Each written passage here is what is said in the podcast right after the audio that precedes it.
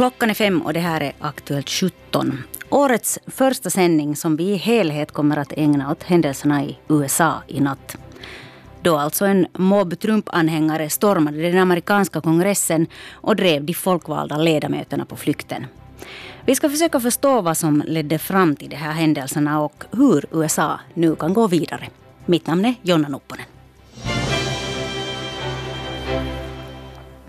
Men vi ska börja i den amerikanska huvudstaden där vi har med oss Juri von Bunstorff som är Hufvudstadsbladets medarbetare i Washington. Uh, god morgon Juri. God morgon. Det är några timmar sedan du vaknade nu till dagen efter attacken mot USAs kongress. Vilka är dina känslor nu så här dagen efter? Jag måste säga att uh, jag är något chockad fortfarande över det som, det som hände. Det känns, känns nog overkligt på många sätt. Jag har varit orolig länge nog över vad som kan hända i det här landet. Jag har pratat om det och skrivit om det. Jag har varit, tänkt att, att uh, våld är någonting som, som kan komma att ske i en, en större utsträckning i USA för att stämningarna har varit så uh, inflammerade och, och splittringen i landet så, så bitter. Men, uh, men det vi såg igår så, så var nog ändå en, en överraskning för mig. Att, att se en sån här attack mot det här uh, symboliska hjärtat av den amerikanska demokratin, ett, massangrepp, så, så är, nog, är nog omskakande. Mm. Vilka är stämningarna där i huvudstaden nu då, idag när den här nya dagen gryr? Ja, no, på, på, ett plan går ju livet vidare för alla människor här. Människor går på jobb eller, eller loggar in på sina, sina distansjobb och, och handlar mat i butiken och, och så vidare. På, på det stället som något, ingenting Uh, Eh, jag menar en, en ny dag, en normal dag, men ändå är det som någonting skulle ha totalt eh, ändrats. Jag tror att eh, det, det råder nog en, en chock i samhället och en, en oro.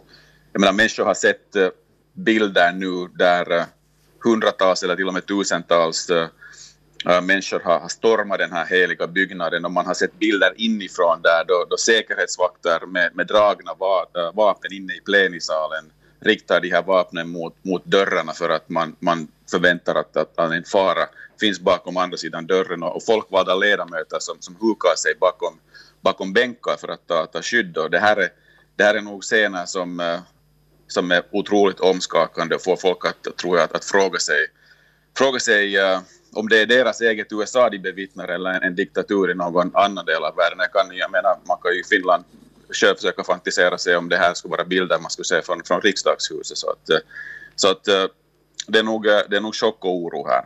Ja, Juri von Bunstorff, du var ju på plats igår vid Kapitolium. Kan du beskriva hur det gick till där? Vad, vad sa folk åt dig som du pratade med? Och, och, hur blev den här stämningen sån här som den blev?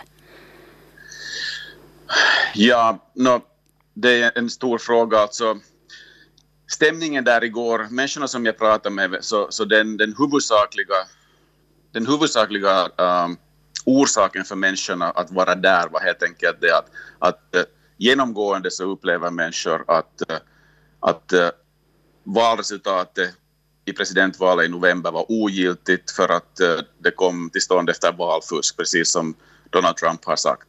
Och de upplevde det som, som sin plikt att komma till Kapitoliebyggnaden eftersom, och protestera och visa att man inte tolererar det här.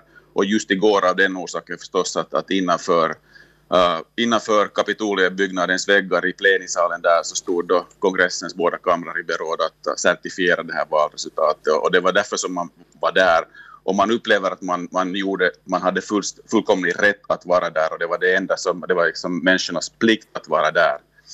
Uh, sen var det en otroligt hetsstämning. Man talar mycket om förrädare hela tiden. Till exempel Mike Pence, vicepresidenten, som, som då inte skulle gå med på, på, på Donald Trumps krav att, att stoppa den här processen. Honom såg man som förrädare samman med Mitch McConnell, den republikanska senatledaren. Så det fanns en, det fanns en mycket hetsk stämning mot, mot de, de politiker som inte skulle gå Trumps ärende. Och, och, det, fanns en, det fanns en viss sorts... Eh, det fanns både en eufori bland människor där att de var, och, och gjorde den, den rätta saken där, men det fanns också en, en otroligt uh, stark aggression på, på vissa håll runt uh, Kapitoliebyggnaden, det var klart. Men, men, kan man säga att det var Donald Trump som fick igång de här kravallerna och den här stormningen av kongressen? Det som man kan säga om Donald Trump är att han har lagt har lagt liksom grogrunden, han har, han har skapat jordmånen för det här med, med hela sin presidentskap och, och, och hela um, hans tal om, om valfusk och också hans sätt att eh, porträttera i sin retorik eh, den andra sidan som, som fiender och, och förrädare egentligen. Så absolut har han lagt jordmånen för det och, och mer specifikt, eh, han hade ju först, han höll ett tal um, en timme innan, eller en timme, två timmar innan det här hela började vid Vita huset där han uppmanade folk att, att marschera till, till Kapitoliebyggnaden och protestera. Och han uh, talar också i mycket, mycket hårda ordalag om att eh, man inte kan få tillbaka sitt land om man, om man är svag, så han, han uppmanar till liksom starka handlingar och så vidare. Om man, om man kan ta det som en uppmaning till att storma kongressen bokstavligen så är det ju svårt att säga. Om, om det var det han själv ville kan man ju inte säga heller, men definitivt bär han skulden för hela den här omständigheten och atmosfären som, som gjorde det här möjligt, absolut. Hur är det möjligt, eh, hur oerhört är det att USAs president, mannen med den högsta makten i, i landet, uppviglar till kravaller? Ja, det är ju, det är ju liksom eh, svårt att förstå att det är möjligt. Det är svårt att förstå hur det är möjligt, men samtidigt eh, är det, är det bara ett faktum att det är på det sättet. Vi har en, vi har en, eh, en person som, eh, som eh, tänker annorlunda än i stort sett alla andra presidenter hittills om hans roll i det här demokratiska systemet. Och, och en, en, en, president som också mentalt verkar sakna liksom det här Sakna ett, ett sätt att, att uh, förstå vad hans egna gärningar har för, uh, för följder helt enkelt. Och, och, och sen har vi ett demokratiskt system där han har valts till president och eh, inom ramen för det presidentskapet så har han, har han ganska mycket, eller har otroligt mycket makt och, och stort eh, eh, manövreringsutrymme och det krävs mycket för att, för att kunna stoppa en president. Så det, det är väl det som som har lett till den här situationen. Men det, det, är liksom, det är svårt att förstå att det är möjligt. Men vi ser ju att det är det. Vad kallar amerikanerna det här som skedde igår? Vilka ord använder man? No, man talar mycket om förstås om kuppförsök och, och uppror och så vidare. Men, men eh, man måste komma ihåg att det här landet är så otroligt tudelat. Så, så om, om du går omkring här i Washington DC och ställer den här frågan till människor så, så kommer du att få just de här orden kupp och, och uppror för att det här är en, en stad med, med liksom 99 procent anti-Trump-människor. Men, men det finns otroligt många miljoner människor i det här landet som uh, inte nödvändigtvis eh, godkänner det som skedde eh, i, i liksom, eller, eller den här stormningen av kongressen men, men det finns miljoner människor som godkänner den här vilje, eh, ut, uh, viljeyttringen som, som skedde igår med att, att gå till Kapitoliet. Och, och det där, där tycker man, och det, det var egentligen något som jag hörde igår också vid, vid kongressbyggnaden, att uh, där är det många som upplever att det själva kuppen skedde, skedde den 3 november vid presidentvalet och, in, och inte igår. Så det, det, finns nog många människor i USA som inte ser, ser det här som ett, ett, ett uppror eller ett kuppförsök utan mer som en legitim uh, viljeyttring för, för någonting som, som de inte gillar som har skett uh, i valsammanhanget. Mm. Där får jag säga tack så mycket till dig, Juri von Bunsdorf, med oss från Washington. Och vi ska ännu återvända till nattens händelser i Washington och höra hur det hela började. We will never give up. We will never concede. It doesn't happen. You don't concede when there's theft involved. Vi kommer aldrig att ge upp. Vi kommer aldrig att medge förlust. Man ger inte efter när det gäller stöld, sa Trump och upprepade alltså de ogrundade anklagelserna att han förlorade valet på grund av fusk. Trump lovade att tåga till Kapitolium tillsammans med sina anhängare. Det gjorde han ändå inte när den upprättade folkmassan begav sig iväg. Och strax före klockan 22 finsk tid stormade hundratals demonstranter in i Kapitolium.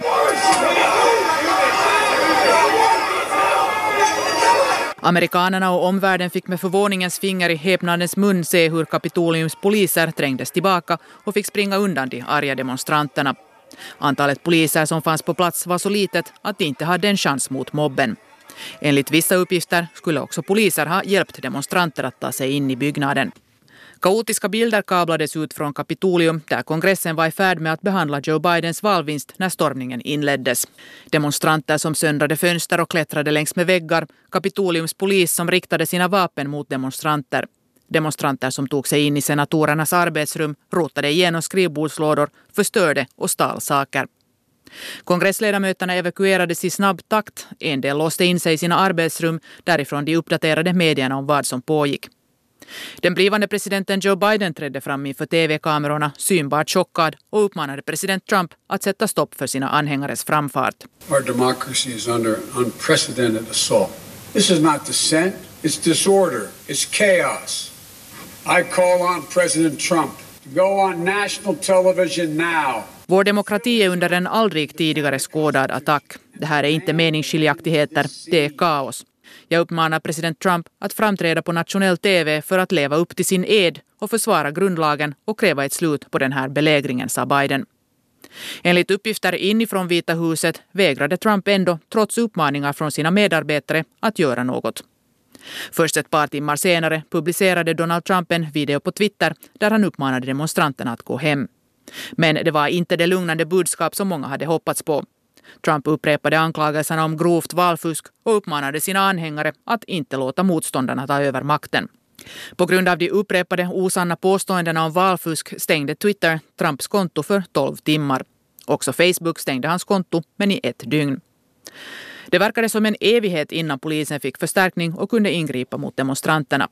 I samband med polisinsatsen tog polisen till tårgas och skottlossning utbröt i något skede inne i Kapitolium. Fyra personer dog i samband med kravallerna och flera skadades. Efter att lugnet i Kapitolium hade återställts kunde kongressen fortsätta med sitt arbete att bekräfta Joe Bidens valseger. Vicepresident Mike Pence fördömde i sitt anförande i skarpa ordalag kvällens och nattens händelser. To those who wreaked havoc in our capital today, you did not win. Violence never wins. Till er som orsakade förödelse i vårt Kapitolium idag, ni vann inte. Våld vinner aldrig, frihet vinner och det här är fortfarande folkets hus, sa Pence. Och det rapporterade Lotte Krank van de Burt. Och här säger jag välkommen med i sändningen Oskar Winberg, historiker och eh, doktorand vid Åbo Akademi och USA-kännare. Eh, Oskar, du har följt med de här händelserna i Washington sen igår kväll, hela natten och också hela dagen idag. Eh, hur kunde det här ske? Att säkerheten för de folkvalda i Washington sattes på spel på det här viset? Det är väldigt svårt med tanke på att, att experter redan länge har varnat för våldsamheter, äh, har pekat ut den här datumet äh, för våldsamheter från högern och att de själva har talat helt öppet om att de tänker äh, försöka sig på att, att storma Kapitoliet. Att titta sen på hur liten bemanning det fanns där, hur enkelt de kom in. Det är svårt att inte tro att där fanns någon slags medveten strategi bakom och att det här välkomnades från vissa håll i, i Washington, det här agerandet. Det här kommer att utredas naturligtvis. Eh, det framstår ännu alldeles självklart att det var ansvarslöst och farligt agerande av de som var ansvariga för att skydda eh, kongressen. Men de verkar totalt överraskade att det här hände det är ju det som är så oförklarligt, att hur kan de vara överraskade när det har varit helt uppenbart och tydligt. Och det här handlar ju egentligen inte endast om, om valfusk, utan det här handlar ju om att de inte är beredda, de här högerextremisterna är inte beredda att acceptera demokratiska valsegrar. Eh, och det är någonting som de har varit helt öppna med, eh, både på högermedia och, och på nätet, om det här. Så, så det framstår som en enorm fråga, hur kunde det här ske? Mm. Men om man tittar på bilder från igår där utanför och också sen inne i kongressen eh, så många av de här demonstranterna eller eh, de som sen attackerar var väldigt väl utrustade med tillhyggen och buntband och banderoller med krigshetsande slagord. Och samtidigt var många också utklädda så där som om de var på väg på karneval i sådana här kostymer. Och, det verkar väldigt motstridigt. Eh, vilka är de egentligen, de här Trump-supportrarna? Jag tycker att det verkar klart att det här är ett hopkok av alla möjliga olika grupperingar. Eh, vissa som är mindre insatta och sen helt tydligt så fanns här eh, element man har redan identifierat, bland annat nynazistiska ledare bland de här eh, eller de här som var i uppror mot demokratin. Uh, där har också varit sådana våldsamma extremgrupper som Proud Boys. Uh, vi har sett olika eh, uh, Qanon, konspirationsteoretiker som har varit aktiva där.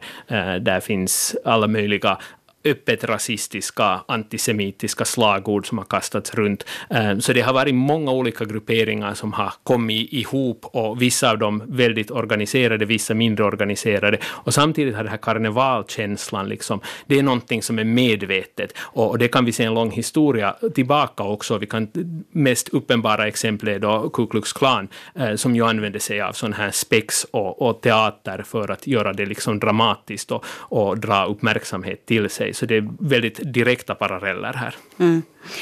Många av Trumps supportrar som stormar runt i och utanför den amerikanska kongressen igår, så de upprepar sådana saker som de har gjort det här mot oss och det här är vårt land och vi vill ta tillbaka vårt land och vårt hus.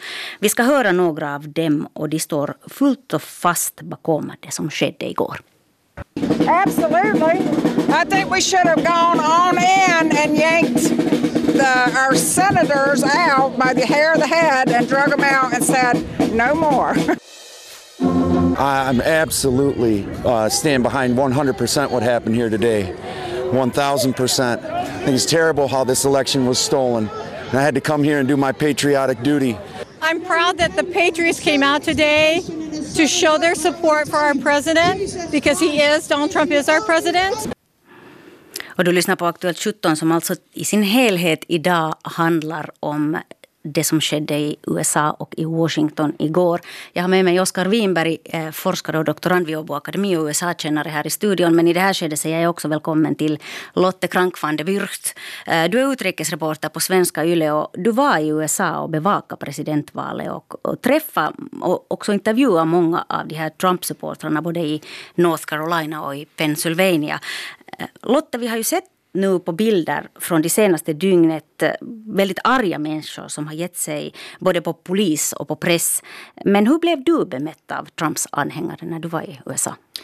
No, jag blev nog väldigt vänligt bemött. Det var nog aldrig någon som var hotfull mot mig eller, eller gjorde något annat som, som gjorde att jag kände mig otrygg. Eh, men misstänksamma, det var det ju nog mot en journalist. De är ju lite överlag, de här Trump-supportrarna, misstänksamma mot journalister och medier eftersom de anser att, att medierna lite förvränger sanningen ehm, för sina egna ändamål.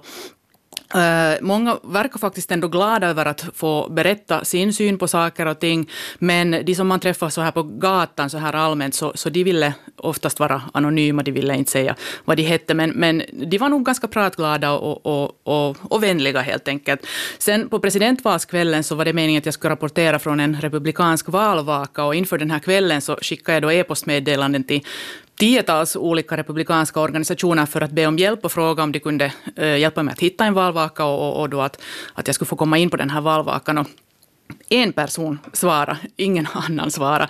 Eh, och det också visar, tycker jag, ganska tydligt hur, hur eh, misstänksamma de egentligen är mot medierna. De vill inte ha, helst vill de inte ha någonting att göra med dem alls. Eh, den här personen, han gick med på att hjälpa mig om jag först skulle träffa honom så att han skulle få se mig i ögonen för att se om jag skulle rapportera eh, sanningsenligt och opartiskt. Och sen när jag hade träffat honom och då pratat med honom en stund så, så var det då klart att han kom med på att hjälpa mig. Så att jag fick sen komma på en republikansk valvaka. Mm. No, men hur beskriver de här Trump-anhängare, hur beskrev de sitt USA för dig? No, det är nog så att Trumps USA är deras USA. Eh, de tycker att Trump har varit bra för USA, att han mer än väl har levt upp till sina löften som han gav under kampanjen 2016. De tycker att USA nu är starkare med ett bättre försvar, en bättre ekonomi, åtminstone före coronaviruset slog till. Och, och det är de som har vunnit på dem. Många av dem bryr sig inte om Trumps lögner, de bryr sig om att han talar om deras problem. Och, och det är ju någonting som han, har, han är ganska skicklig på, att, att tala till människor människor så att det låter som att han bryr sig om deras problem. Eh, man måste lite titta på hurdana människor det är som har röstat på Trump. Det är mycket vita som hör till medel och arbetarklassen som anser att den demokratiska eliten inte jobbar för dem. De har känt sig utanför, har känt att invandrare, svarta, latinos avancerar på deras bekostnad. Deras arbeten har försvunnit i andra länder, de har drabbats av dålig ekonomi och arbetslöshet. Och de röstar helt enkelt på Trump för att skaka om etablissemanget och de anser att de har lyckats med det här. Eh, det har varit riktigt lyckat det här, Trumps fyra år vid makten. Eh, och för dem är det faktiskt det viktigaste i slutändan att de har ett jobb och att de kan betala sin hyra. Mm.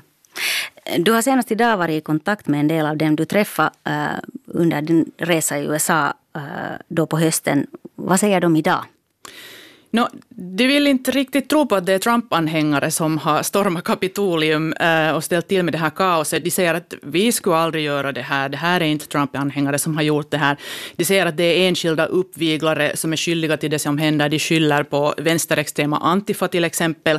Många har också sagt att det har varit frågan om fredliga demonstrationer, inte våldsamma. Det har kommit mycket sådana kommentarer som att men att jag har haft en kompis där på plats som har sagt att här är helt lugnt, här händer ingenting, alla är bara glada och ingen, ingen bråkar. Ehm, de är också jättearga, eh, de som jag har haft kontakt med, över att alla nu ojar och vojar sig över det som har hänt där i Kapitolium, eh, men att ingen under sommaren när Black Lives Matter-demonstrationerna pågick och, och de rök ihop med polisen och, och, och förstörde butiksfönster och så vidare, att ingen då ojar och vojar sig över, över det eh, lika mycket som de gör nu, och de tycker att det här är ganska orättvist. Mm. Eh, tack så mycket Lotte Krank van de Byrt, eh, som alltså är utrikesreporter här på Svenska Yle. Eh, Oskar Winberg, Eh, hur svårt kommer Trumps anhängare att ha att svälja sitt förtret och leva i ett USA som är lett av en demokratisk president och nu också en demokratisk kongress? Jag tror att de inte kommer att svälja sitt förtret. Jag tror att, att de här nästa åren kommer att präglas av deras motstånd gentemot eh, demokratiska agendan och, och demokratiska processen också. Eh, redan nu har republikaner runt om landet eh, föreslagit diverse begränsningar av rösträtten till exempel och hur mycket förhandsröster och så vidare man ska ha tillgång till eftersom demokraterna kunde eh, vinna val. Så jag, jag, tror inte alls att de kommer att, att svälja och acceptera någonting. Mm. Hur farliga kan Trumps mest hängivna och aggressiva anhängare nu, ännu bli, tror du? Jag tycker att det är väldigt farligt, eh, som vi redan nu ser eh, tecken på. Eh, och det är någonting som vi har sett tecken på under flera år, alltså eh, från Charlottesville eh, 2017 som är den där stora händelsen som vi kanske kommer ihåg, men, men inte kommer ihåg under årens lopp sedan det diverse massskjutningar där Trump-anhängare gick till angrepp mot invandrare eller gick till angrepp mot synagogor, brevbomber till demokratiska kandidater eller politiker, till mediahus, hot hela tiden hade funnits under ytan en sån här bubblande eh, högerextrem terrorism eh, som inte har bemötts på ett, ett skäligt sätt. Hur farligt lever USA just nu? Det är väldigt farligt, men samtidigt så bör vi komma ihåg att det här inte, trots att de här grupperingarna eh, igår hade till exempel t-skjortor upptryckta där det stod inbördeskrig eh, januari, den 6 januari 2021, eh, så är det inte en, ett inbördeskrig som är hotbilden, utan snarare handlar det om sådana här lösa grupperingar i kontakt med varandra eh, som via eh, diverse högerkanaler har möjlighet att kommunicera och liksom skapa en världsbild, koordinera Eh, Eh, men ändå ett fåtal som engagerar sig i det här. Och det var ju en sak som var slående även igår. Vi har sett hur det ser ut på amerikanska gator när det finns populärt stöd eh, för demonstrationer. Det här var inte det, det här handlar om, om någon, några tusen anhängare högst. Eh, så det var en, en relativt liten gruppering, men de var så pass hängivna och, och våldsamma och i direkt uppror mot Förenta staterna att deras inverkan är enorm. Vi ska återkomma ännu kort till dig, Oskar Winberg. Men eh, här, i det här skedet vänder jag mig nu till Charlie Salonius Pasternak som är äldre forskare på Utrikespolitiska institutet. Efter gårdagens händelser då den amerikanska kongressen stormades av en mobb Trump-supportrar verkar det råda en viss förvirring kring vem som styr i USA. Charlie, vem är det som har makten i USA just nu? No, formellt är det ju president Trump och sen, sen vicepresident Pence och därifrån går det liksom neråt. Så formellt har ingenting ändrats. Men absolut, igår när det blev klart att uh, då aktiveringen av den här Washingtons uh, egen äh, nationalgard det gjordes utan att diskutera alls med Trump utan man kringgick honom så det där väcker det ju nog frågor att hur mycket de andra nationella aktörerna kan lita på Trump alls. Mm. Vad kan det här maktvakuumet som verkar nu ha uppstått här innebära? No, inrikespolitiskt så finns det ju än så länge ganska många olika spärrar. Men det där utrikespolitiskt så nu skulle jag nog anta att man i, i såväl Beijing som, som i Moskva och Teheran funderar på att vad är det som man skulle kunna ännu göra här i nästan några veckor det där, um, när det är faktiskt klart att det råder ganska olika perspektiv på saker och ting um, inom amerikanska, ska vi säga, den här ledningshierarkin. Mm. Ja, ett hur allvarligt slag är det här för USA utrikespolitiskt sett? Hur omvärlden uppfattar USA just nu? Jag skulle säga att eh, an, antingen så det där är kanske USAs uh, främsta motståndarna är ju liksom, vad ska man säga, möjligtvis nöjda och glada och man ser ju att länder från Venezuela till Turkiet har anammat när samma diplomatiska språket som USA själv använder när de kommenterar på eh, länders det där inrikespolitik och, och svängt det liksom runt och tillbaka till USA. Och det här är kanske en stor uh, principiell ska fråga eller problem uh, snarast, um, som till och med Finlands president Niinistö syftade till igår, att om USA ofta ses som ändå en sån här, en av ledarna, den största ledare i demokratiska världen. Så det att man efter det här hemskt lätt äh, skulle gå och berätta för andra länder att hur det är med maktskifte och demokratin och hur den ska fungera. Så äh, nu är det ju säkert svårare för amerikanska diplomater och politiker efter gårdagen. Kongressen återgick ju till sitt arbete redan på natten amerikansk tid för att då stadfästa Joe Bidens seger i presidentvalet som ju var det vad de egentligen höll på med när de blev avbrutna av den här mobben. Vilken är kongressens roll just nu? No, kongressen har på sätt och vis gjort sitt.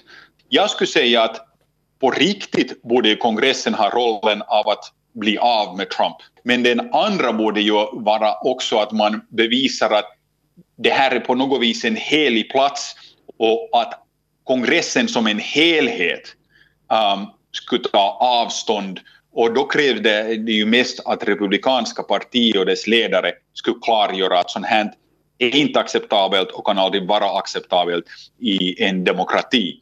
Det tror jag tyvärr inte vi kommer att se. Mm. Hur tror du att eh, Donald Trump ännu kommer att kunna försöka utnyttja den här situationen? Han, han sa ju att uh, nu, nu ska man gå lugnt hem och, och, så vidare men, men på riktigt menar han ju nästan snarast motsatsen. Uh, han kommer att, om han så vill, och jag ser inte någon orsak varför han inte ska göra det, han kan ju använda det här uh, för att driva en fortsättningsvis en kampanj um, och säga att hej, alla ni som, som, som gjorde det här, så ni är ju offren. Ni är de som stred för, för frihet och demokrati och så vidare. Och nu måste ni bara se till att ni väljer mig på nytt om fyra år så fixar vi allt. Um, så det där, han kan utnyttja det här på många, många sätt och jag tror att han under nästa några veckorna kommer att försöka göra det. Och väljarkåren ser ändå honom som alltså republikanska väljarkåren, ser honom som ledaren av partiet. Och det där, så nu kan partiet försöka dra nytta av det här fast det i långa loppet från ett finskt perspektiv inte verkar så fiffigt. Mm. Tack för de här kommentarerna Charlie Salonius Pasternak, äldre forskare vid Utrikespolitiska institutet. Här hemma har politikerna följt med händelserna i USA med oro. Och också maktvakuumet och vad det kan föra med sig oroar utrikesminister Pekka Haavisto. Värsta möjligheter är just att Iran eller, några sådana länder använder det där uh, vakuummöjligheter meter just nu. Men det andra risk förstås är att, att president Trump gör eh, någonting som kommer plötsligt för alla eh, alla andra länder eller, eller just med för de europeiska länderna och så vidare. Hoppas att allt går nu i ordnat väg. Utrikesminister Pekka Haavisto säger att Donald Trump genom hatprat och förnekande av valresultatet bär ett stort ansvar för upploppen. Han är också orolig för vilka följder Trumps agerande kan få för demokratiutvecklingen i hela världen, också i Europa. Man tar ganska ofta modeller från, från USA och hur, vad händer i USAs valkampanjer och så vidare. Det har varit på, på, på många sätt också eh, modell i många europeiska länderna och, och nu är det mycket dålig modell om man följer vad, vad har nu hänt. President Sauli Niinistö skriver i ett pressmeddelande nu på eftermiddagen att det vore viktigt också för Finlands del att det politiska läget i USA stabiliseras så fort som möjligt. Enligt Niinistö har man förväntat sig att USAs roll i det internationella samfundet ska stärkas efter maktskiftet men att den rollen nu hotas av en inre splittring. Sannfinländarnas ordförande Jussi halla säger för sin del att man inte ska överdramatisera upploppen. Enligt halla är det en ytterst liten del av Trumps 70 miljoner väljare som har deltagit i upploppen och de starka institutionerna i, som man säger, världens äldsta demokrati står pall för det som har hänt. Yhdysvallat maailman vanhimpana katkeamattomana demokratiana on instituutioiltaan ja järjestelmältään niin vahva, että tällaisellakaan tuomittavalla toiminnalla ei Mm, sen syvällisempiä, se ei pysty sen syvällisempää kriisiä Yhdysvalloissa aiheuttamaan. Någon djupare kris för den amerikanska demokratin tror jag inte att de här i och för sig förkastliga upploppen skapar, säger Jussi halla För Allaho, som liksom andra sannfinländare länge har stött Trumps politik gäller nu att hålla tungan rätt i mun halla säger sig fortfarande stödja de politiska målsättningarna men säger att Trumps agerande efter valet har varit en besvikelse. Han on toiminut erittäin harkitsemattomasti kiistäessään vaalituloksen ilman mitään selkeää näyttöä. Hänen toimintansa on ollut pettymys itselleni. Genom sitt ogenomtänkta agerande och genom att utan bevis förneka valresultatet har Trump motarbetat det republikanska partiet, någonting som till exempel syns i senatsvalet, säger Jussi halla Och det rapporterade Magnus Svanjung. Eh, Oskar Winberg, Idag har i alla fall kongressen formellt godkänt Joe Bidens seger i presidentvalet. Eh, det här var en led i en process som i vanliga fall bara hade varit en formalitet men nu ledde det då upp till allt detta som vi har sett. Vad är betydelsen av att Biden nu faktiskt då blir president? Det är en alldeles enorm betydelse och, och rent symboliskt så var det oerhört viktigt att kongressen eh, samma natt, samma kväll eh, tog upp den här handlingen för att visa att man inte eh, på något sätt blir eh, påverkad av, av det här våldsdåden. Eh, det skulle ju ha varit en, en demokratisk kollaps om Eh, den, här, den här stormningen av kongressen skulle ha ändrat på, på valresultatet och Trump skulle ha fortsatt. Och, och nu har ju Vita huset äh, kommit ut med, med meddelande om att det kommer att vara en organiserad övergång. Man kan ju konstatera att det är för sent nu. Det här blev inte en fredlig övergång så som man kunde förvänta sig i USA. Mm. Hur svår kommer nu Joe Bidens period att bli i skuggan av det här, eh, det här som, de här senaste händelserna? Vi har ju lite varit inne och pratat om det redan tidigare men det här är på något sätt lite kanske droppen nu. Den kommer att vara jättesvår och den största utmaningen är just det här att republikanerna vägrar att godkänna motståndets legitimitet. Eh, och när vi har republikaner som inte godkänner eh, presidenten eller demokraternas möjligheter att vinna val över, överhuvudtaget så kommer de att motarbeta all politisk agenda. Samtidigt kan man tänka sig att det finns ett, ett slags folklig opinion nu som, som välkomnar Biden som kommer in här. Eh, men jag oroar mig fortfarande för det här motståndet och, och vilka slags våldsamma förtecken det kan ta eh, på en gräsrotsnivå. Mm. Du är historiker, Oskar Winberg. Hur kommer de senaste dagarnas händelser att beskrivas i framtiden, tror du? No, det är ju svårt att, att, spekulera om hur framtida historiker kommer att skriva böckerna, men många av de här bilderna som vi har sett eh, idag kommer utan tvekan att finnas i, i historieböckerna. Och då talar jag om, om bilder där, där uh, våldsamma extremister har, har stormat kongressen, bär med sig sydstatsflaggor, uh, och, och, helt tydligt för en, en högerextrem, en öppet rasistisk, en antisemitisk äh, agenda in i demokratins liksom, äh, högborg. Äh, och det här kommer att, att ses på många sätt som kulmen av fyra år med Donald Trump i Vita huset. Mm. Stort tack för den här analysen, Oskar Winberg, USA-kännare och doktorand vid Åbo Akademi. Och det här var Aktuellt 17 special om händelserna i USA. Ami Lassila producerade, Anne Heikkilä skötte tekniken och jag heter Jonna Nupponen. Och nu ger jag över ordet åt Jukka Isojoki som ledsagar dig genom kvällen i Radio Vega.